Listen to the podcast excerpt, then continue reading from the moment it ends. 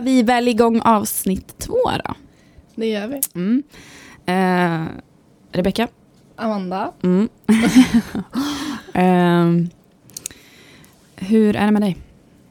Ja men det är bra. Eh, jag är ju lite förkyld, eller jag har varit förkyld. Så Ja. min röst kanske kommer försvinna när vi sitter här och snackar. Mm. Men Jag är också förkyld, men kom till den stad, stadiet där rösten försvinner. nej, det kommer. Mm, det kommer. Eh, vi var ju på kongress i helgen. Mm. Kan inte du berätta lite om det? Vad var vi på för kongress? Vi var på en kongress psykologstudenter. Mm. Ehm, och eh, den var i Linköping.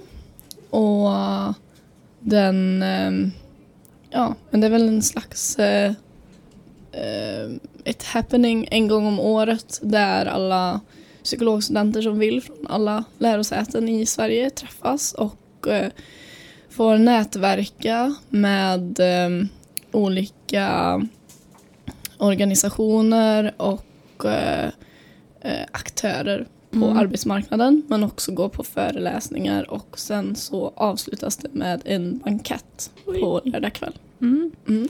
Vi var väl på fyra föreläsningar tror jag, eller? Fyra på lördagen och Mm. någon på fredag. Två på Mm. fredag tror jag. Vilken tyckte du var bäst? Jag eh, tänkte ju prata lite om det. Jaha. Mm. Mm. Gör det då.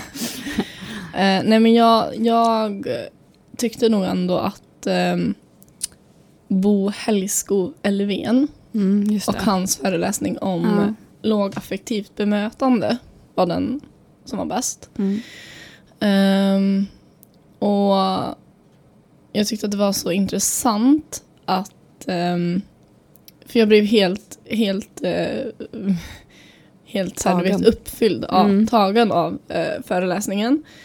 Och du vet det är nästan när man sådär så man bara, när man kommer ut därifrån bara oj vad var det som hände? Mm. Eh, och så har funderat lite grann på det i efterhand. Bara varför blev jag så eh, inspirerad av hans Mm. föreläsning?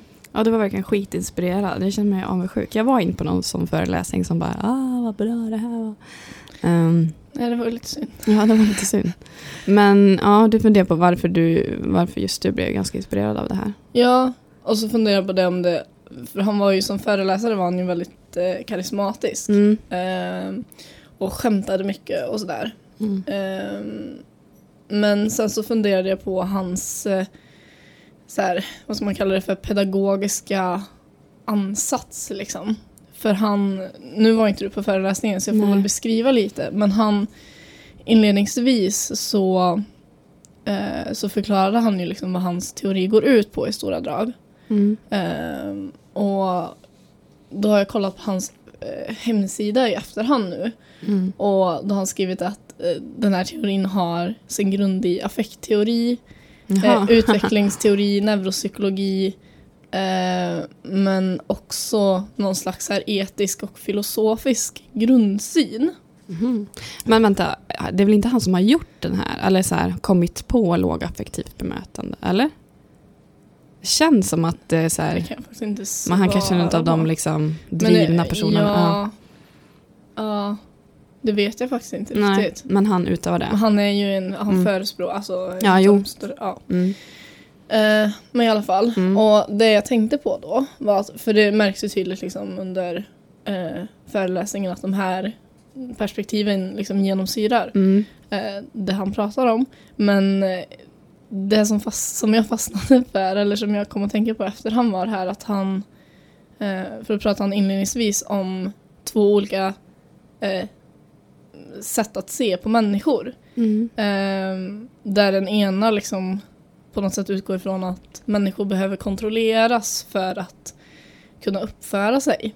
Mm. Eh, och den andra utgår från att människor eh, gör, gör det de kan, de gör sitt bästa liksom. Ja, just det. Jag kommer ihåg. Jag läste hans bok. Eh, Ja. ja men precis. Eh, och kan de, alltså de som kan uppföra sig, de gör det. Mm. Och gör de inte det så finns det anledningar till det. Mm. Liksom.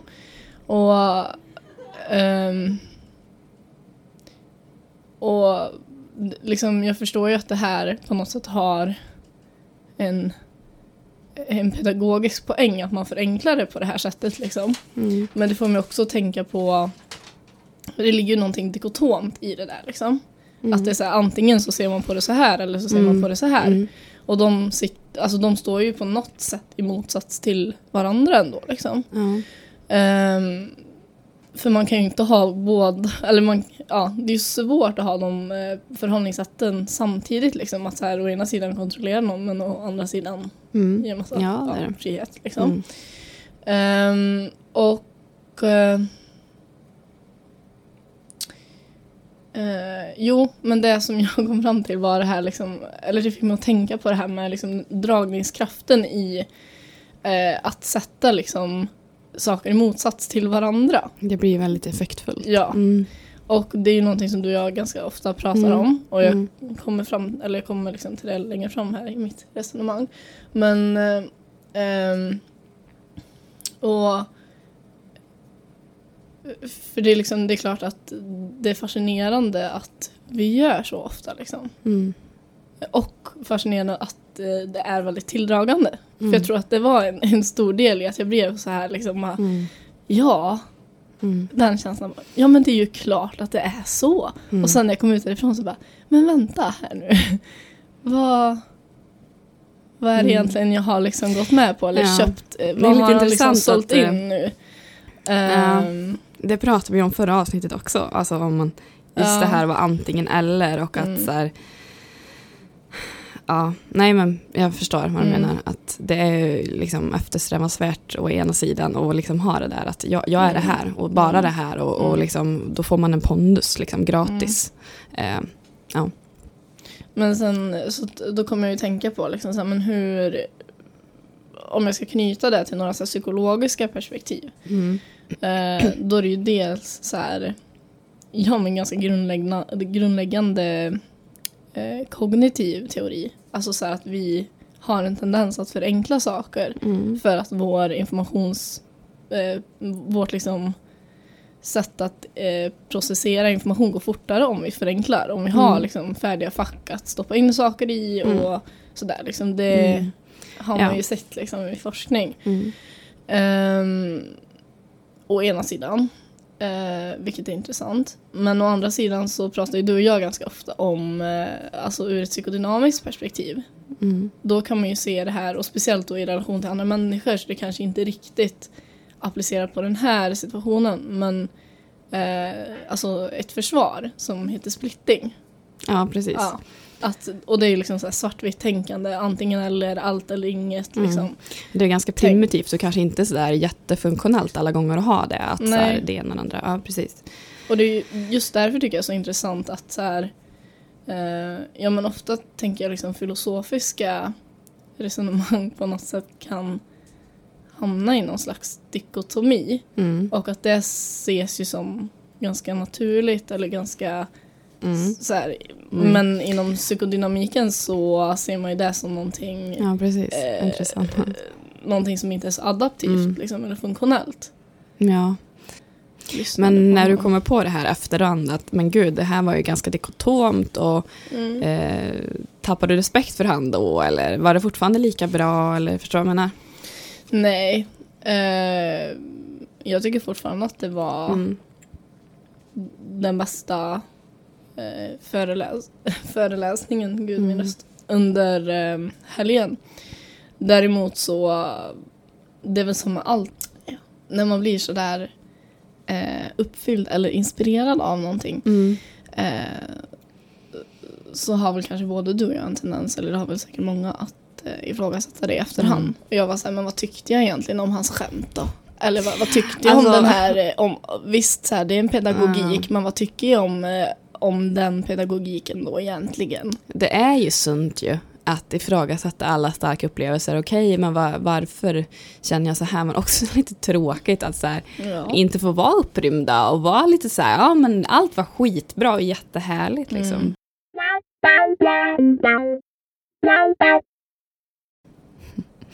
Men du hade någonting som du ville ta upp från PS också, eller? Eh, ja, vi var ju, som du sa, vi var ju på massa föreläsningar och sen avslutades allt med en bankett. Mm. Eh, som då är en stor middag med underhållning och mat och det sa jag, middag. ja. Eh, och vi blev ju då bordsplacerade. Ja. Eh, så vi hamnade inte med vår klass eller vårt liksom, lärosäte utan vi blev utplacerade och hamnade bredvid ja, folk från Linköping, Uppsala, Stockholm, bla bla bla. Så himla obehagligt. Ja, verkligen. Träffa nya människor. Ja, eh, och så här, vi hade druckit lite grann innan och så här, ingen av oss var fulla men vi gick till bords där och satte oss. Och jag började prata med några där. Mm. Eh, försökte vara lite så här socialt duktig. Ehm, och sen efter en stund så började ju folk komma fram på scen och göra så här framträdande. just ganska så här, eh, ja, jag vet inte vad man ska säga om de uppträdandena, men väldigt liksom nystudentaktigt liksom. Mm. Mm. Och mycket så här tjo och ganska eh, platta skämt om jag får säga det. Tyckte du? Ja, men tyckte jag. Jag tyckte ändå det var lite kul. Nej, jag tyckte verkligen att det var så här, nej men gud, vi går ju termin nio, det kändes så långt bort på något vis. Tycker du? Ja, jag tyckte inte att det var bra. eh, nej, men i alla fall. Men när jag satt där och de där framträdena, liksom så här, jag kände liksom mig ganska långt ifrån den där världen liksom, på Mm. något vis. Eh, så, så här infinner sig en så här känsla att man, man zoomar ut lite grann. Och så liksom eh, ser sig själv utifrån på något perspektiv. Jag känner mig väldigt, jag känner mig nog kanske lycklig, det är nog kanske det jag beskriver. Att man så här, Mm. får någon harmoni i kroppen. Mm. Och så känner jag liksom så här väldigt tydligt, det låter the drama queen, men jag har druckit ett glas vin efter det, innan det här, men ja. Eh, men jag bara nu, alltså nu, precis nu startar ett nytt kapitel. Så kände jag verkligen. Mm. Eh, och att det var så här, jag vet inte, det blir så här, det blev så himla påtagligt. Jag blev så här bitterljuv, typ nostalgisk känsla i hela kroppen. Att så här, nu är vi snart klara, psykologer och det här är liksom, vi gör det här med klassen och liksom snart är det slut på allt. Och det är som att man kan känna en skiftning i kroppen liksom. Eh, jag vet inte vad jag ja, vad jag gör egentligen där. Men det, jag får något sånt här metaperspektiv på hela situationen och titta på mig själv utifrån och eh, blir supernostalgisk. Det vill jag ta upp. Och jag ville typ relatera det till så här, när man genomgår förändringar i sitt liv. Samma känslan infann sig ju, du vet, så här, när man ska ta studenten och det var så här revyvecka. Mm. Eh, och man håller på och liksom grejer och har sig. Och sen så här två dagar innan revyn Mm. så bara infinner en sånt här lugn. Mm. Man blir, man blir sorgsen men man är väldigt lycklig och man bara känner så här nu, Mm. nu tar jag fart, nu tar jag sats, nu är jag på väg bort härifrån. Det här är inte mitt längre. Mm. När jag satt där liksom på PS, bara det här är inte min värld, den här Mm. musiken tillhör inte mig. Jag är, bort, jag, alltså, jag är på väg bort Mm. härifrån nu. Mm. Samma sak liksom när man är på väg ur en relation. Liksom. Att så här, en dag så bara Mm. vet man att man har Mm. tagit ett kliv framåt. Att så här, eh, ja, men det kan bli över en natt och man blir bara så här sorgsen för man vet att nu, är jag, nu, är jag, nu börjar ett nytt kapitel. Mm. Eh, ja, det vill jag upp. Jag tyckte det var så eh, härligt och sorgset. Och man tittar på alla, man blir så här, åh jag vill vara nära och jag vill liksom, alla har sådana här bubbliga tal i kroppen. Alla skulle ha kunnat ha ett tal till varandra i det Mm. tillståndet. Liksom, Mm, ja. För man är så här, Du menar alla i våran klass? ja Mm. precis, inte Mm. alla där, men att man har så mycket Mm. inom sig. Eh. Ja. Hm. Jag har inte tänkt på det förut att, eh, eller innan nu, att, att det var nog en väldigt lycklig känsla, alltså euforisk känsla. Mm. Det hade jag nog inte tänkt på förut förrän nu när jag berättade det. Jag var nog väldigt, väldigt euforisk och typ. Mm. Ja, intressant. Men, och det är ju intressant tänker jag. För så starka ångestupplevelser kan ju också Mm. få en att så här disassociera. Eller, Mm, försvinna bort Ja. och liksom. Mm. dis, alltså, också, det är också en form av utzoomande fast inte lika behagligt kanske. Nej, Men det här är någon annan stark känsla som får Mm. liksom en sån på effekt. tal om Ja. dikotomt. Men ja. ja, nej, men det var, en, ja, det var nog en skön känsla. Ja. Ja.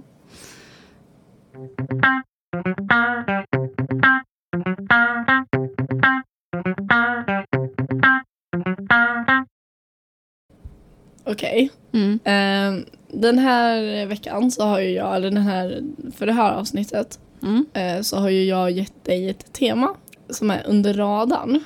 Fy fan vad jag haft svårt att tolka det. Ja, jag Ja. förstår det. Mm. Ehm, och tanken med det är ju liksom att vi ska associera fritt till det här Mhm. och se om det blir någon röd tråd i Ja. slutändan. Det får vi se. får vi se hur det blir med det. Ehm, men eh, vem utav oss ska börja då? För du har ju kommit på något ämne och Ja. jag har kommit på något ämne. Mm. Mm. Eh, det avgör du. För det är ditt Mm. tema. Får vi se. Okej, men då, då kan jag börja då. Mm. Ehm, Spännande att se hur du har tolkat. Ja. Ja. Det första då, eh, som ju är ganska centralt Mm. eh, för mig, det är det här med eh, när man kommunicerar med människor Mm.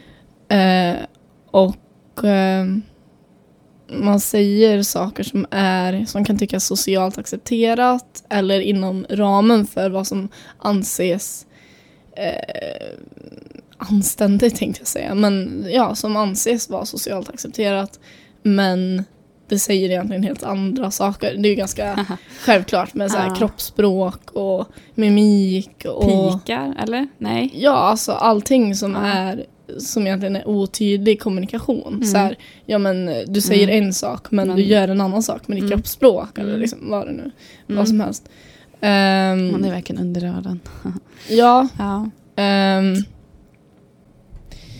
okej men eh, om jag ska ge ett exempel då. Mm. Eh, så du och jag har ju extra jobbat en del under eh, utbildningen. Eh, och då stöter man ju på lite olika personer. Ehm, och, Diverse individer. ja, Diverse män. ja. Mm. Och det här är då en person som jag har stött på på ett jobb.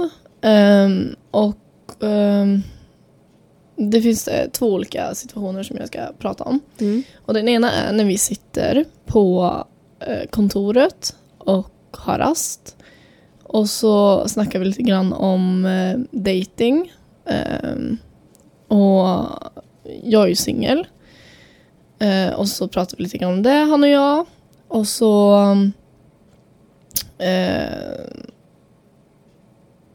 Ja men så säger han så här att Men Amanda, du vet ju om att du är snygg.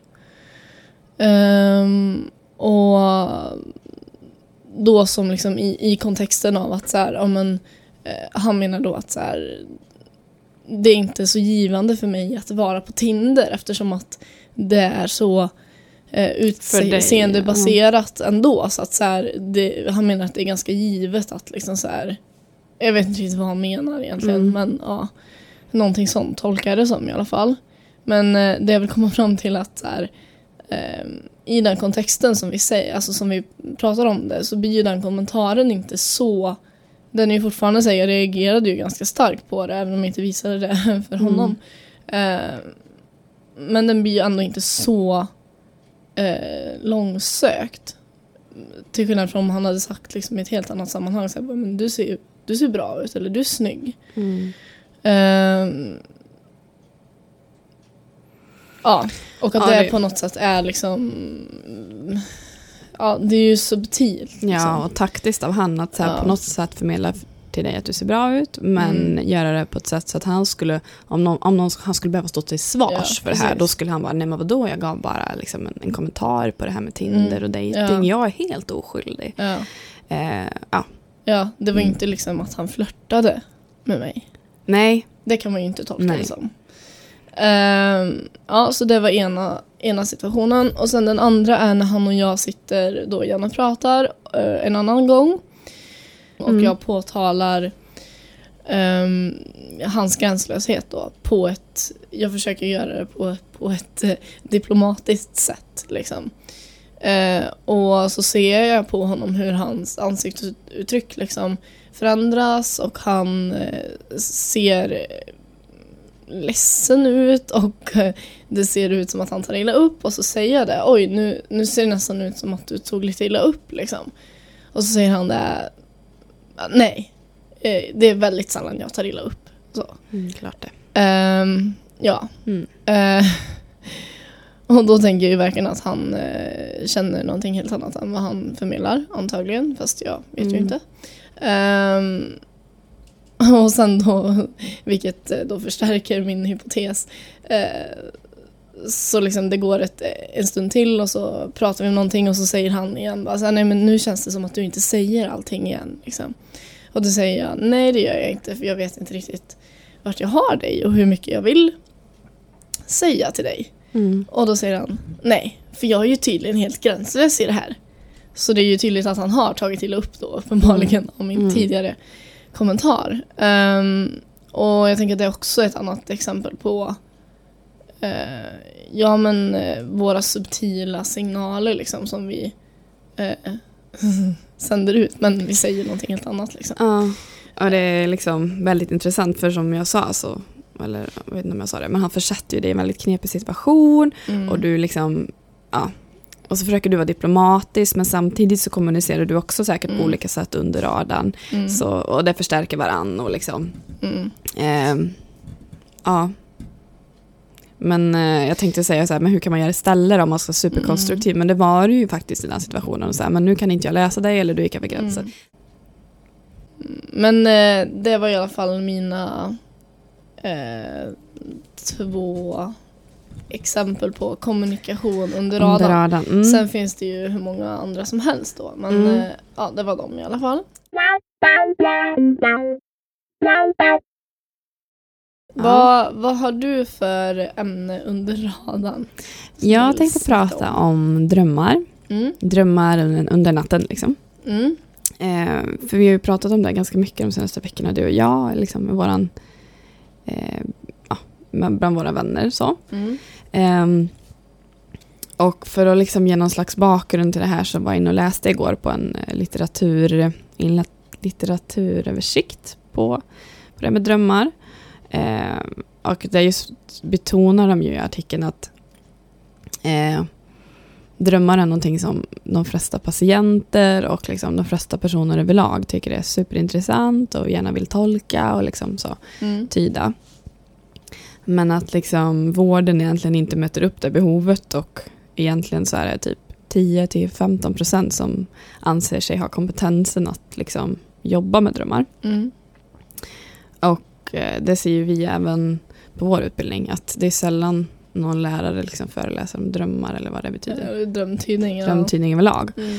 Och man kan väl liksom säga vad man vill om det här, hur, hur meningsfullt det är och vad betyder drömmar och varför sover vi och varför drömmer vi. Alltså allt det här fältet är ganska okänt. Mm. Men i alla fall det har ju funnits ett intresse långt bak i tiden om att liksom titta på det här. Mm. Eh, och de flesta vet väl vem Freud är, tänker jag. Eh, och han var ju väldigt tidigt ute med det här med drömmar och att tänkte att drömmar var någonting väldigt meningsfullt och eh, representerade det omedvetna som vi Mm. har inom oss Mm. som vi inte riktigt har. Det säger sig självt, vi har inte kontakt med det material som är för ångestfyllt för att hantera så vi trycker undan det i det undermedvetna eller omedvetna. Eh, Freud tänker att eh, det vi drömmer handlar om någon typ av wish fulfillment, alltså att vi vill det är saker och ting som vi vill uppnå i verkliga livet eller vill känna eller få uttryck för. Mm. Och han tänker också att mycket handlar om aggressivitet och sex. Det är kanske det han är mest känd för. Mm. Och sen så kommer ju hans efterföljare Jung eh, som tänker att men, drömmar kan vara mer så här. Det kan vara uttryck för kreativitet, för självständighet, för alltså, symboliken i drömmar kan stå för saker i verkliga livet och att han tänker på drömmar mycket som metaforer. Mm.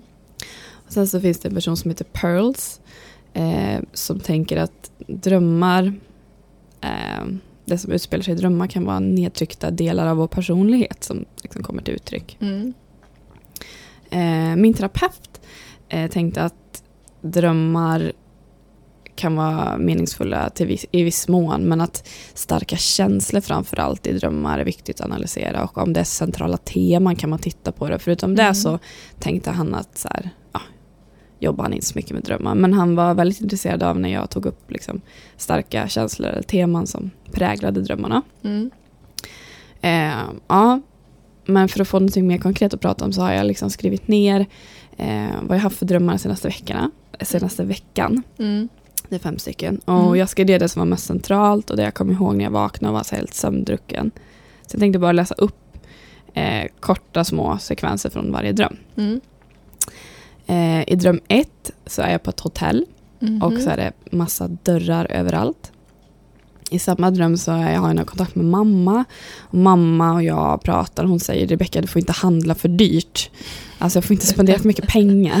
Ja, det är jättekul. Ja. I dröm två så är jag på en ö och dyker efter sten och stenarna symboliserar olika personer som förorsakas där som har dött. Mm. Eh, ja, det är det jag liksom drömmer. Det, ja, det är inte Mm. min tolkning efteråt. Alltså. Så Mm. tolkar jag det i drömmen. Eh, I dröm nummer tre så ligger jag i en maskin. Eh, Mhm. Som ser ut som en gynstol.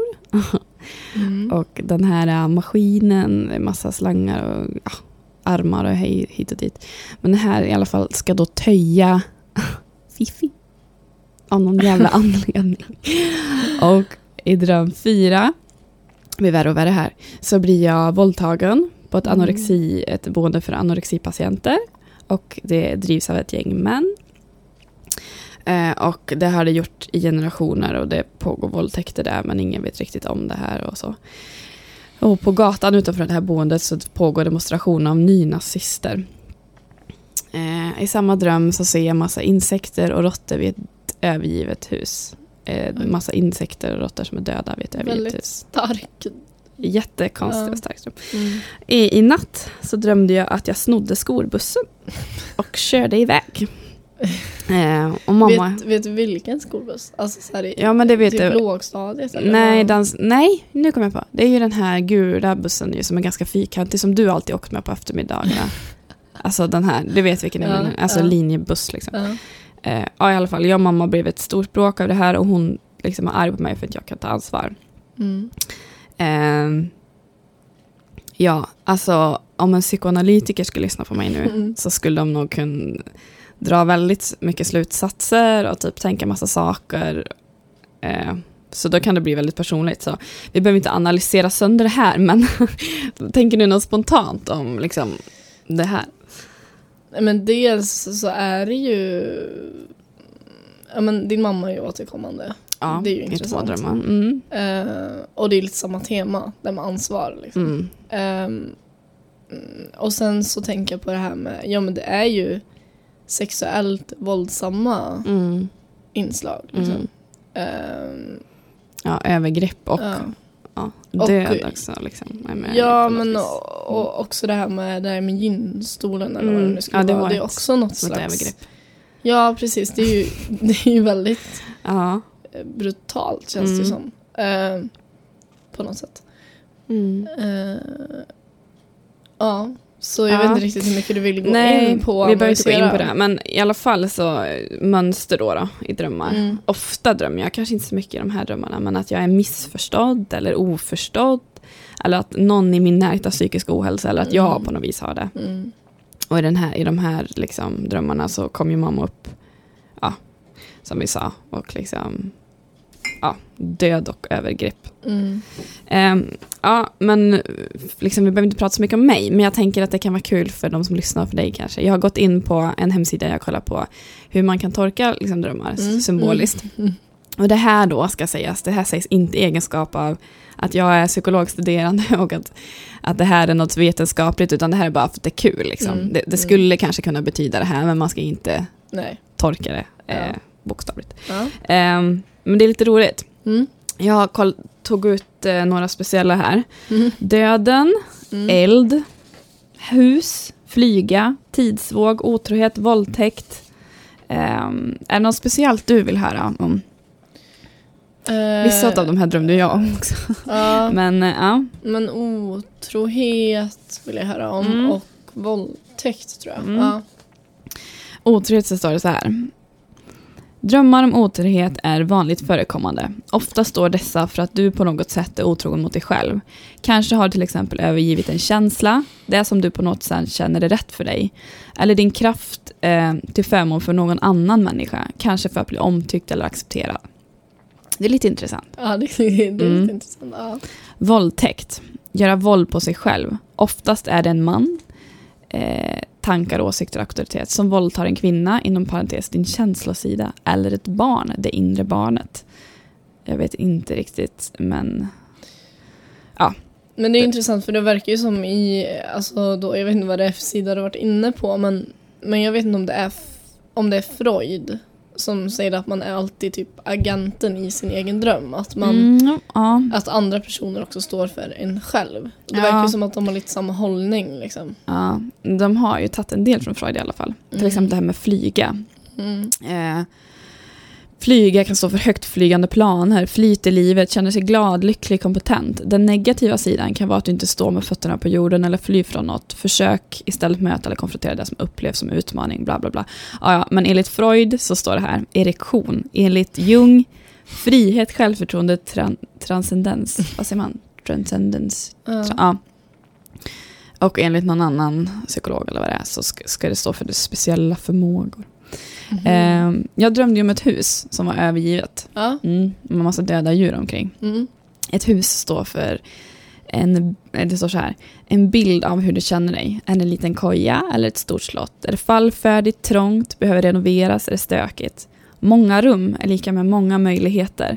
Källare är lika med undermedvetet, det som är gömt för dagsmedvetandet. Jag drömmer ju om ett övergivet hus Mm. som är fallfärdigt. Inte så trångt, men det är ganska stort. Eh, jag drömde också om ett, ett eh, vad var det? Att jag var på ett hotell med dörrar överallt. Att det är mycket möjligheter. Och det tänker jag kan Mm. stå kanske för att vi är inför en livsförändring med massa möjligheter. Ja. Men eh, mycket är ju mörkt. Är det något mer roligt? Ehm, död. Vem dör? Vad dör? Om du dör, i om du dör i drömmen, vilken sida av dig dör? Ditt starka, friska jag eller en gammal attityd som är uttjänad? Om en person dör eller dödas i din dröm, fråga vilka egenskaper den personen har. Dessa egenskaper dör bort från din personlighet. Barn som är döda i drömmen tyder på att ditt inre barn, frihet, bus, glädje eller sorg eller personliga behov inte får finnas i ditt liv. Död person under snön, snön tolkas som nedfrusna gömda känslor. En pappa som dör tolkas som att pappans röst får dig att dö för att du bättre ska höra din egen röst eller din egen vilja. Ja, man kan väl säga vad man vill av det, men också Ja. intressant. Mm. Eh, det är ju ett perspektiv där liksom, ja, man ja, utgår från att man är sin egen, alltså Agent, ja. agenten i drömmen Ja. på något vis. Det tror jag ligger mycket i det. Mm. Mm. Mm. Har du några Mm. återkommande teman? Du kommer inte ihåg dina Alltså drömmar? jag, nej, Mm. jag gör inte det. Jag önskar att jag gjorde det Mm. mer. Ehm, men ehm, jag minns att när jag hade min terapi så då pratade jag om drömmar ibland. För min terapeut var också psykodynamiker. Mm. Och då var det en dröm när eh, jag tror att jag har berättat det här för dig förut men eh, han och jag sitter i ett kök och eh, i ett stort hus där Mm. Eh, det pågår en fest utanför liksom, eller i huset. Mm. Och så ska vi försöka ha terapi i köket. Så symboliskt, bara, det är så rörigt överallt. Ja, och så, ja men jag sa ju det också att dörren in till köket är så tvådelad som man ser i typ westernfilmer att man kan Mm. ha ena liksom upp, ena delen Mm. öppnad och den andra stängd. Och vi har ena öppen och det slutar med att jag blir jätteirriterad på honom för att jag tycker att så här, det här är ditt ansvar att liksom, Mm. det ska vara lugnt när vi ska sitta här och prata med varandra. Mm. Och så eh, pratade vi lite om den drömmen han och jag och då sa han det att så här, han bara någonting om att köket symboliserar eh, omsorg Mm. eftersom att det har Mm. med att man äter ofta liksom Mm. eh, någon slags så här eh, koppling till det orala Mm. stadiet då liksom så här mat, omsorg. Mm. Ja, det var intressant tyckte jag. Ja, men det är så jävla intressant. Mm. Jag kan inte släppa det. Eh, jag Du tror kanske jag ska... ska bli drömtydare. Ja, Rikta in jag- dig på det. nej. Nej, men jag tror jag ska fortsätta att anteckna. Jag, det känns som att jag lär mig mycket om mig själv. Eller i alla fall så här. Mm. Mm.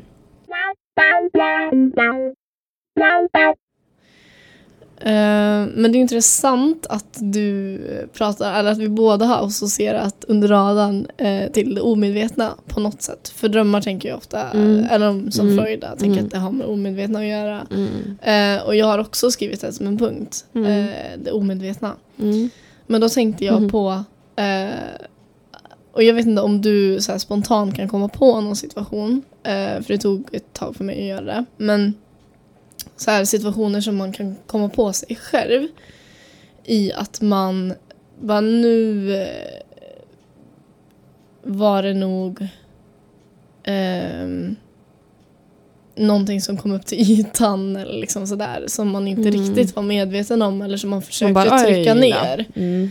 Ja men gud ja. Ehm, Men jag har en specifik situation Mm. som, som handlar om eh, dig och mig. Ehm, Jag tror det var förra veckan. Mm. Ehm, eh, vi var hemma hos dig Mm. eh, och hade fixat med vårt eh, första avsnitt eh, för podden. Mm. Och så sitter vi i, eh, i din och din sambos säng. Jag tror jag vet vad du Nej, jag har vet svårt att inte. ögonkontakt med dig bara för jag blir såhär, vad ska du säga nu? Ja. Ja. Eh, ja, det är ju mest pinsamt för mig. Mm. Eh, det var ju jag som var omedveten om mig själv. Mm. Eh, nej men, och så pratar vi om ehm, eh, ja, men om hur det är att ha kontakt med olika personer när man är singel. Liksom. Mm. Och hur man beter sig och vad man har för mönster och sådär. Ehm, och så berättar jag om, om någon eh, som jag har haft kontakt med liksom, och hur jag reagerar på den här personen. Eh, och så sa du att ehm, ja, men det är intressant att du, du ändå vill hålla det lite Mm. öppet eller liksom så här eh, Ja. jag kommer inte ihåg exakt hur du uttryckte dig. Men eh, det var så uppenbart att jag gick in i försvar. Mm. eh, och bara så här. Nej, jag, jag tar tag i känslor jag tar tag i att prata om saker och jag är faktiskt inte undvikande. Mm. Fast jag ju vet att jag är det egentligen. Ehm, i, I ganska många situationer. Mm. Eh, och så säger du så här, bara, "To- tog du illa upp nu eller? Mm. Och jag var så här, nej det gjorde jag inte. Fast jag vet när jag säger nej att jag, jo, Ja. jag tog illa upp.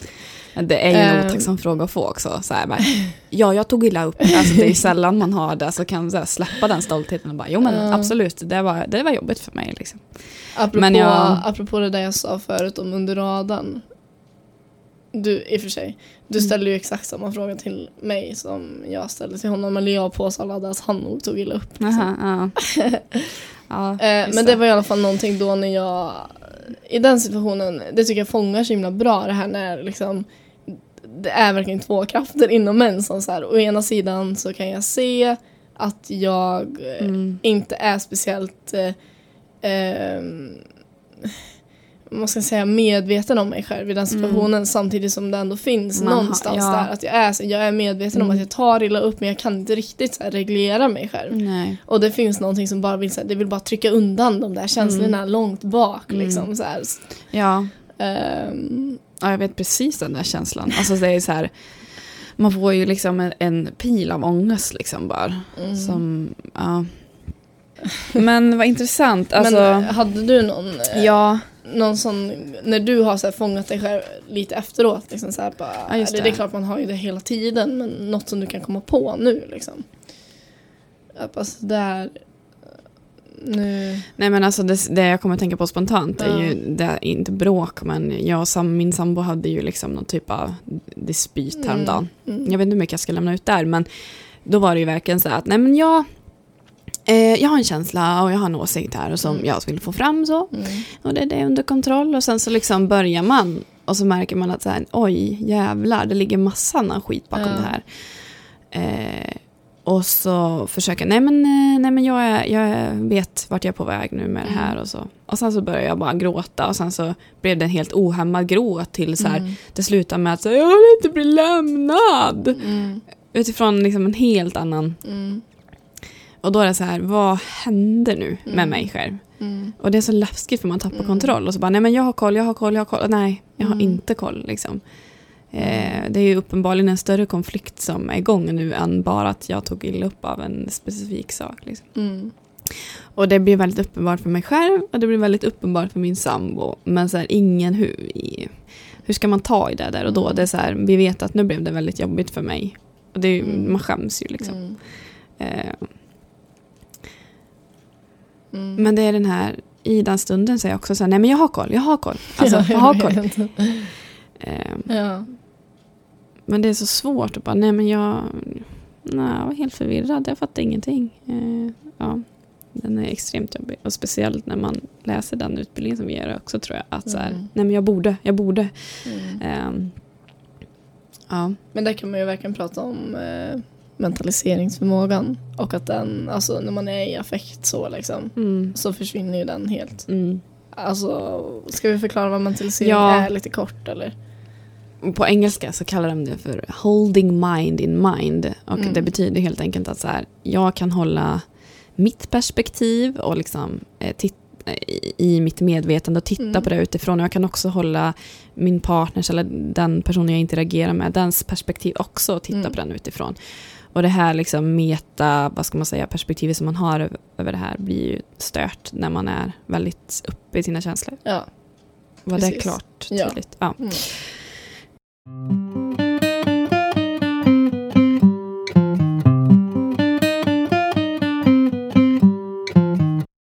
Med ena handen för du håret bort från ansiktet men kastar ändå blickar under lugg. Vi lever visst så här. Vi lever visst så här. Jag seglar runt i mitt inre under hemlig identitet tills dess att någon utanför ropar Hela havet stormar och rycker ut mig i en annan verklighet, rycker snabbt tillbaka mig själv igen. Där inne kan jag stapla känslor på höjden.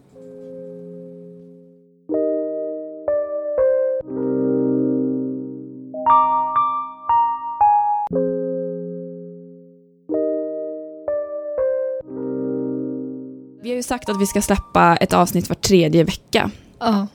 För vi tänker att eh, det, det blir nog bäst för oss. Då kan vi vara som mest kreativa, då kan vi ta hand om skolan och så kan vi också leverera lite eh, innehåll och inte bara flams. Ehm, och så får vi se, det kommer nog inte vara på en specifik dag tror jag inte. Nej. Eftersom att vi inte vet riktigt när det läggs upp. Nej, Men, men, eh, någon typ av Mm. var tredje vecka och, och något sånt där i tid liksom. Mm. Mm. Mm. Puss, puss. Hej då. Hej då.